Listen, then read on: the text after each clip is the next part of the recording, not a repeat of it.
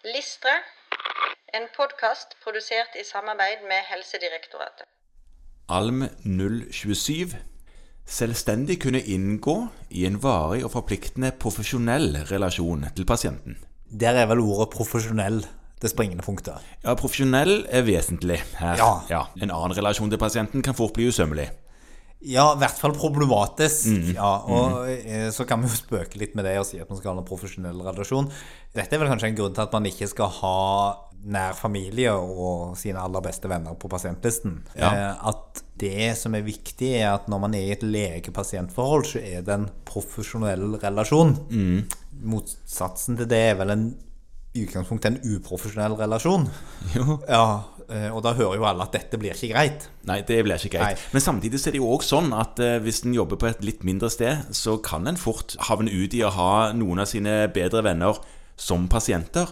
Men da blir det ekstra viktig å tenke at dette er en profesjonell relasjon, så er det noe annet enn min vennskapsrelasjon på fritiden. Ja, og da, da må man, som, som mange leger må, i mange deler også av selve faget, så må man da være flink til å bytte hatt. Ja, helt riktig. Så hattebytte burde jo vært eget sånn eh, kurs, det.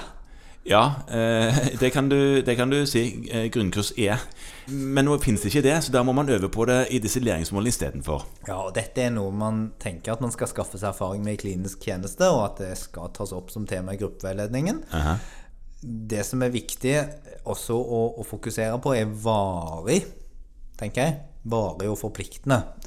Og det sier noen ting som vi igjen godt kan framheve litt eh, som en sånn refleksjonsgrunnlag, og det er at som, som allmennlege eh, generelt, og som fastlege spesielt, så forventes det at du på en måte tar litt ansvar for pasienten over tid. Ja. Du er ikke en sånn engangslege, og med det mener jeg du er typisk en lege du møter én gang, det være seg hvor som helst, men du er en som på en måte bidrar til å være en slags kontinuitetsbærer sammen med pasienten. ja, veldig viktig.